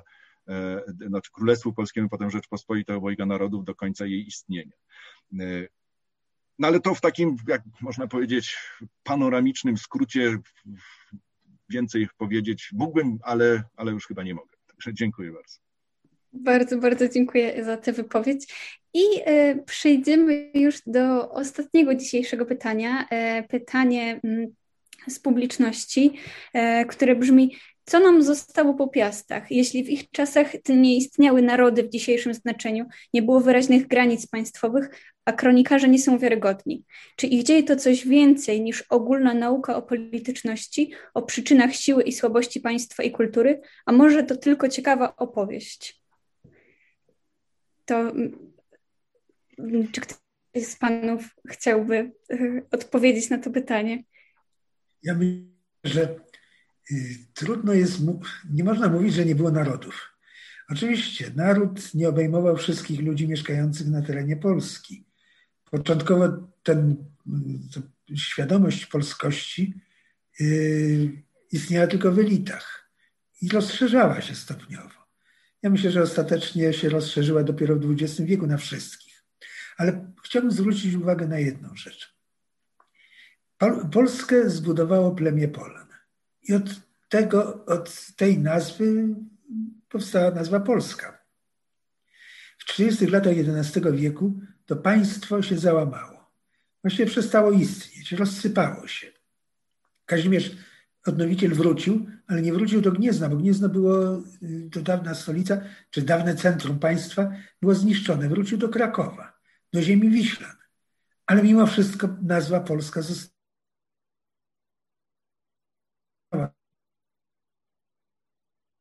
Ci Wiślanie już wtedy uważali się za Polaków. No oczywiście tylko ci najważniejsi. Z czasem ta świadomość się rozszerzała i ją widzimy. Widzimy ją w kronice. W kronice Gala, nie Gala Anonima. On nie był Polakiem. W kronice Kałubka. Tam bardzo wyraźna jest świadomość istnienia Polski. Lechir, jak to on nazywa, czy państwa Wandalów, no różne nazwy, ale chodziło mu, chodziło mu o Polskę i zdawał sobie sprawę, że tą Polską są wszystkie księstwa. Wiedział, gdzie są granice. Podobnie Piastowie. Piastowie mieli świadomość, co należało do państwa Piastów. I jak odpadła od państwa Piastów y, ziemia lubuska, to płacz był we wszystkich dzielnicach, nie tylko w dzielnicy śląskiej, od której odpadła ta, ta ziemia. Więc już ta świadomość y, patriotyczna, czy świadomość narodowa istniała w średniowieczu. Później się tylko, później się tylko powiększała i rozszerzała. Więc ja myślę, że to tak, tak należy to rozumieć. Y, podobnie było z, y, tę świadomość wzmacniał Kościół Polski. Kościół dlatego, że Polską było to, co należało do archidiecezji gnieźnieńskiej. Tu zdawano sobie sprawę. Y, proszę zwrócić uwagę, że w czasach rozbicia dzielnicowego, kiedy nie było jednego władcy dla całego kraju, jednocześnie był jeden arcybiskup dla całego kraju. Papież często chcąc pisać do, mm, dać jakąś informację do wszystkich książąt, pisał arcybiskupa, bo to była jedyna centralna władza na terenie istniejącego dawnego państwa. A więc niewątpliwie ten kościół wzmacniał poczucie y, przynależności do państwa. Ale jak się czyta kadłubka, to wyraźnie widać jego dumę z tego, że on jest mm, Lechitą, że pochodzi, y, jest dumny, że Lechici pokonali Aleksandra Macedońskiego. Oczywiście wiemy, że to legendy, ale legendy też tworzą naród, tworzą, tworzą państwo. Co więcej, Kadłubek jest dumny z tego, że w Polsce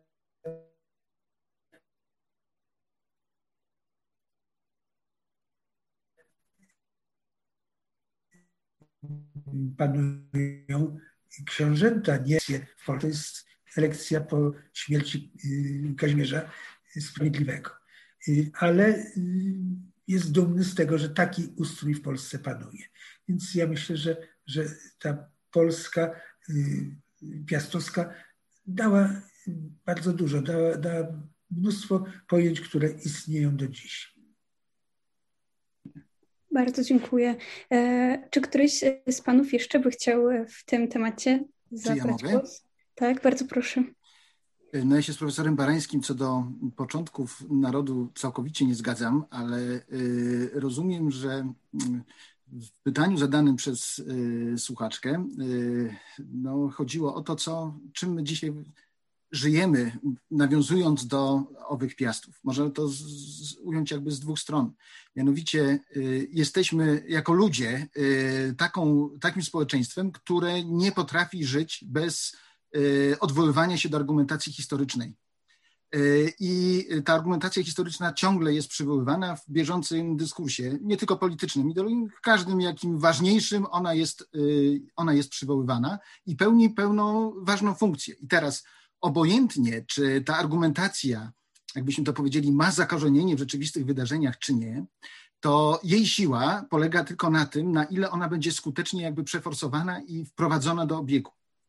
E, znamy z, także z nieodległej Polski, że wiele e, dzisiaj, jakbyśmy to powiedzieli, e, bzdurnych poglądów funkcjonowało i było powszechnie przyjmowanych i akceptowanych, i na nich wiele budowano właśnie w tej, w tej sferze która opiera się na, na naszym pojmowaniu przeszłości, a które no, dzisiaj całkowicie, całkowicie padły.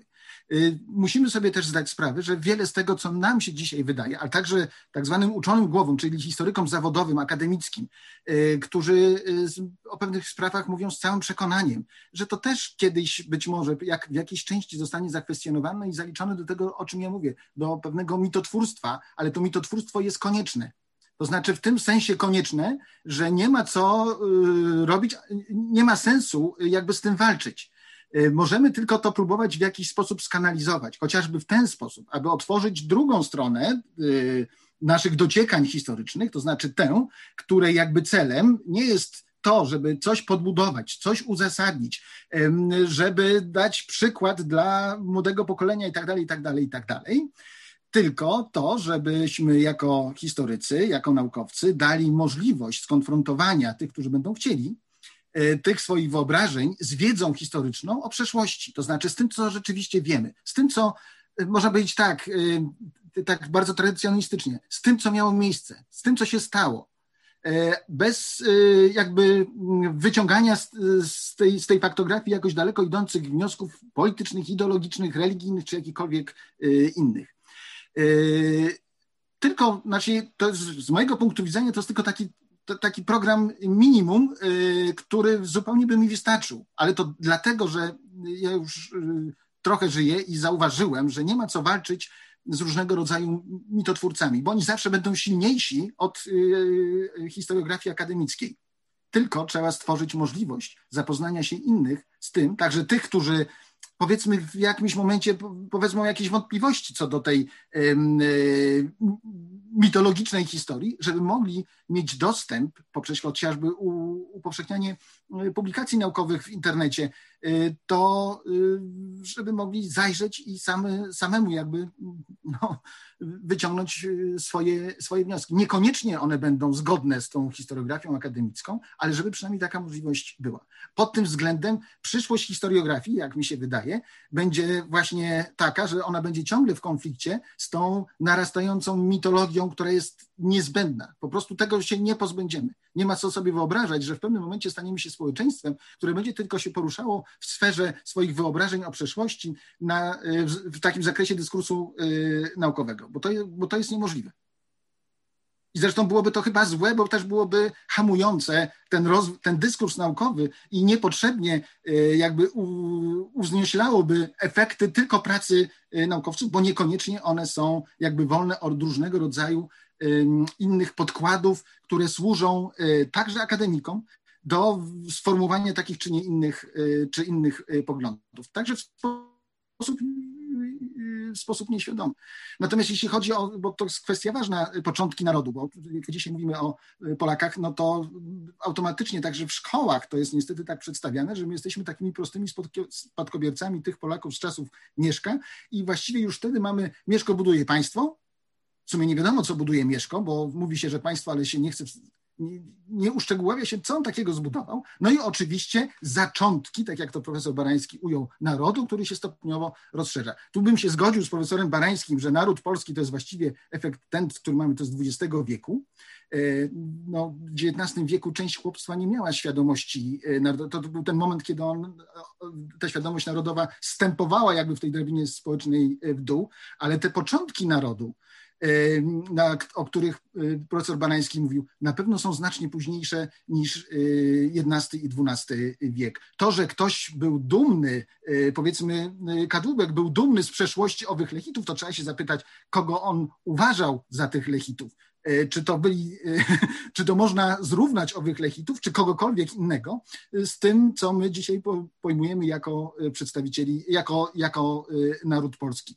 Bardzo długo przecież w średniowieczu mamy poczucie takiej regionalności, to znaczy utożsamiania się nie z Polską, nie z, właśnie z, z, z całością, ale z tutejszością. O. I y, ten proces oczywiście tworzenia narodu jest zależny od tego, co przyjmiemy za definicję narodu. A tutaj y, znowuż to jest otwarcie szerokiego pola. Więc to nie jest taka prosta, y, prosta sprawa, bo ja też widzę taką możliwość, że można tak zdefiniować naród, że y, powiedzmy w czasach y, Mieszka też można już będzie mówić o narodu. To byłaby bardzo głęboka redefinicja tego, co dzisiaj funkcjonuje, ale jakby manipulując samą definicją, możemy też wiele zdziałać. Zresztą tak się, tak się też często czyni, zmieniając tą, zmieniając definicję pewnych zastanych pojęć co postmoderniści dzisiaj y, skutecznie y, czynią, y, dobrze kojarzące się pojęcia, które ulegają redefinicji w taką stronę, która jest pożądana przez tych, którzy jej dokonują, zachowując nazwę dobrze się kojarzącą. I tak jak no, czołowy przykład to demokracja socjalistyczna. No, demokracja była, kojarzyła się dobrze, więc jeżeli już socjalizm był demokracją socjalistyczną, to przynajmniej w połowie był, był, czymś, był, czymś, y, był czymś dobrym. Tak samo jeśli chodzi o kwestie narodowe. Ale to jest sprawa oczywiście na zupełnie odrębną, y, na odrębną dyskusję, tylko y, chciałem zaznaczyć swój jakby sprzeciw przed, wobec głosu profesora Barańskiego, który bardzo tak już wcześniej datuje powstanie zaczątków oczywiście narodu polskiego. Ja jeszcze pozwolę sobie na koniec tylko jedną uwagę, mianowicie e, takie zdanie funkcjonuje, które powtarzał na seminarium mój mistrz profesor Wyrodomski, że musimy pamiętać, że narody w XIX wieku stworzyli historycy. Jest w tym dużo prawdy, bo narodziny nowoczesnej historiografii w całej Europie wcześniej czy później wiązane są z XIX wiekiem. Jednocześnie w XIX wieku doszło, jak wszyscy wiemy, do jednego z naj, jednej z największych przemian świadomości europejskich społeczeństw i społeczności powstania nowoczesnych narodów, y, y, takich, w których my żyjemy i które są dla nas czytelne. No i to powoduje, że na nas spoczywa oczywiście odpowiedzialność, bo skoro nasi przodkowie historycy te narody stworzyli, to musimy uważać, co piszemy i jak o tej historii mówimy. Ale y, już tylko krótko nawiązując do tego, co nam zostało po piastach. No mi się wydaje, że rolą, to nawiązując trochę do wypowiedzi profesora Sikorskiego, że naszą rolą jest, e, czy pozostanie właściwie pokazanie, że tak naprawdę nie trzeba czasów piastowskich nadmiernie mitologizować, co oczywiście się będzie działo i cały czas się nie, nie należy, nie ma się co martwić, że, że my nie jesteśmy pewni, czy Bolesław Chrobry to, to jak zostawał królem, to się wszyscy cieszyli, czy, czy nie, bo cały dorobek czasów piastowskich ma sobie tyle różnych ciekawych elementów i tyle wartościowych elementów, które e, stały się trwałym elementem, chcąc, nie chcąc, ponadczasowym patrzeniu na to naszego społeczeństwa, e, naszej historii, e, tyle znakomitych momentów władców i złych, i dobrych, że że my po prostu możemy tylko i wyłącznie się cieszyć, że mamy tak bogatą przeszłość, tak ciekawą historię, z której możemy na różne sposoby czerpać.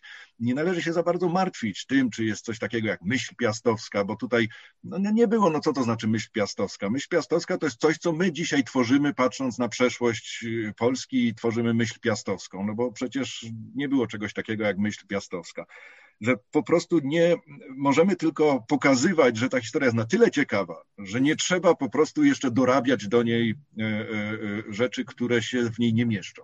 No ale jak będzie, tak będzie. Każdy musi robić swoje jak najlepiej i może coś, może coś z tego będzie. Dziękuję bardzo. Bardzo dziękuję. E, mogę, bo, bo, pojawiło się jeszcze jedno pytanie, a jako, że jesteśmy teraz tutaj w, w, takim gronie, gdzie najłatwiej jest na pytania uzyskać odpowiedzi, to chciałabym e, jeszcze je przeczytać. E, pytanie, w jakim języku za czasów piastowskich posługiwali się mieszkańcy księstw, później Królestwa Polskiego? Myślę, najbardziej precyzyjne pytanie jest dzisiaj, te, które padły. Czy któryś z panów... W języku słowiańskim, można powiedzieć, tym słowiańskim, który obowiązywał w tym, w tym rejonie. Polacy, Czesi mówili bardzo podobnym językiem. Się czyta księgi sądowe czeskie z początku, z przełomu XV-XVI wieku, to one, one są bardzo podobne do staropolskiego języka jeszcze ciągle, a tym bardziej wcześniej. Natomiast, natomiast jak my ten język nazwiemy? No, no, najstarsze zdanie po polsku, słynne w księdze Henrykowskiej, wypowiedział Czech, no bo to jest tam napisane expressis verbis. No i właśnie jak to, bo tam... A zapisał Niemiec. A zapisał Niemiec, no właśnie, więc, więc to jest po prostu, to był język słowiański, to jest słowiański tej grupy Słowian, która zamieszkiwała, zamieszkiwała te obszary i chyba był dosyć wspólny po prostu dla wszystkich jeżeli ja mogę jeszcze co do tego. E, mianowicie rzeczywiście te e, wpływy czeszczyzny w późnym średniowieczu na kształtującą się polszczyznę, taką jaką znamy, tą starą polszczyznę, były przeogromne. To znaczy, język czeski był często arbitrem, kiedy e, wybierano w formie pisemnej różne wersje regionaliz- spośród regionalizmów. To tą wersję, która była najbliższa czeszczyźnie, to wybierano jako tę, tą, tą, tą, którą adaptowano. To był oczywiście skomplikowany proces, ale no, ta polszczyzna e, dzisiejsza to przede wszystkim zasługa tego, tego momentu. Natomiast jakbyśmy chcieli się dowiedzieć, czy sobie wyobrazić, jak to było w XI czy X wieku, to mamy taką możliwość. Mianowicie, chociaż nie mamy zapisów, ale e, pewne przybliżenie. Mianowicie e, współczesny język kaszubski jest e, najbardziej archaiczny ze wszystkich języków zachodniosłowiańskich i prawdopodobnie on jest też no, najbliżej tej formy ogólno-zachodniosłowiańskiej, która funkcjonowała, bo tam w tym X wieku mamy do y, czynienia z pewnymi zróżnicowaniami w, za, w zakresie całej zachodniej słowiańszczyzny, to znaczy Połabia, Polski, y, Czech, dzisiejszej y, Słowacji, do, z pewną wspólnotą komunikatywną. To znaczy oni rozróżniali Y, między sobą, skąd mniej więcej kto pochodzi, bo czuli te różnice w języku, tak jak my dzisiaj, nie wiem, słyszymy kogoś, kto pochodzi z Podlesia i mówi tak, jak sobie, jak wiemy, że tam się, y, się mówi, ale mamy wspólnotę komunikacyjną z tym, y, z, z, z tym człowiekiem. Tak wówczas w całej Słowiańszczyźnie także taka wspólnota istniała. Ona się zaczyna się różnicować dopiero tak w sposób zasadniczy mniej więcej od XII wieku, kiedy językoznawcy ustalili pewne zmiany, które tak gwałtownie zachodziły no chociażby to, że dzisiejsza Praga czeska jest Prachą, a, a Praga y, warszawska jest, jest Pragą. Nie?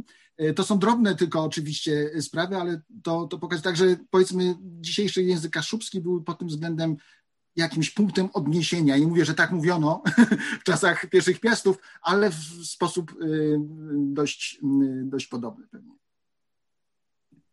Bardzo dziękuję. Myślę, że to już e, e, czas, e, myślę, że już czas zakończyć nasze dzisiejsze spotkanie. Bardzo dziękuję za tę rozmowę o naszych korzeniach, o początkach Polski, ale też o tych wszystkich wątpliwościach, które cały czas, mam nadzieję, będą dla nas inspirujące do dalszych rozważań i, i, dyskusji. E, mam nadzieję, że nasi widzowie i słuchacze się z tym zgodzą. E, dzisiejszymi gośćmi byli pan profesor Marek Barański. Bardzo dziękuję. E, pan profesor Andrzej Marzec. Dziękuję bardzo. I pan profesor Dariusz Andrzej Sikorski. Ja również dziękuję. Bardzo Panu dziękuję za udział w dzisiejszej dyskusji. E, też chciałabym podziękować e, raz jeszcze e, darczyńcom i czytelnikom teologii politycznej, a także ekipie Blog Press, dzięki której ta dzisiejsza transmisja jest możliwa. I dziękuję także Muzeum Historii Polski, które dofinansowało dzisiejsze spotkanie w ramach programu Patriotyzm Jutra. Dziękuję też oczywiście wszystkim widzom, którzy są z nami, którzy słuchali dzisiejszej debaty. E, I też proszę, e, też zwycięzcy konkursu zostaną ogłoszeni na czacie, w komentarzu pod debatą na YouTubie e, i w wydarzeniu na Facebooku. Zwycięzców prosimy o kontakt na adres mailowy redakcja małpa teologiapolityczna.pl. I w tym miejscu też chciałabym zaprosić od razu na kolejne spotkanie organizowane przez Teologię Polityczną, które odbędzie się już za tydzień. E, w przyszłym tygodniu pochylimy się nad historią powstań śląskich, nad ich przebiegiem i skutkami, więc już serdecznie zapraszam. E, a dzisiaj, e, Szanowni Panowie, dziękuję bardzo za uczestnictwo i życzę spokojnego wieczoru. Do widzenia.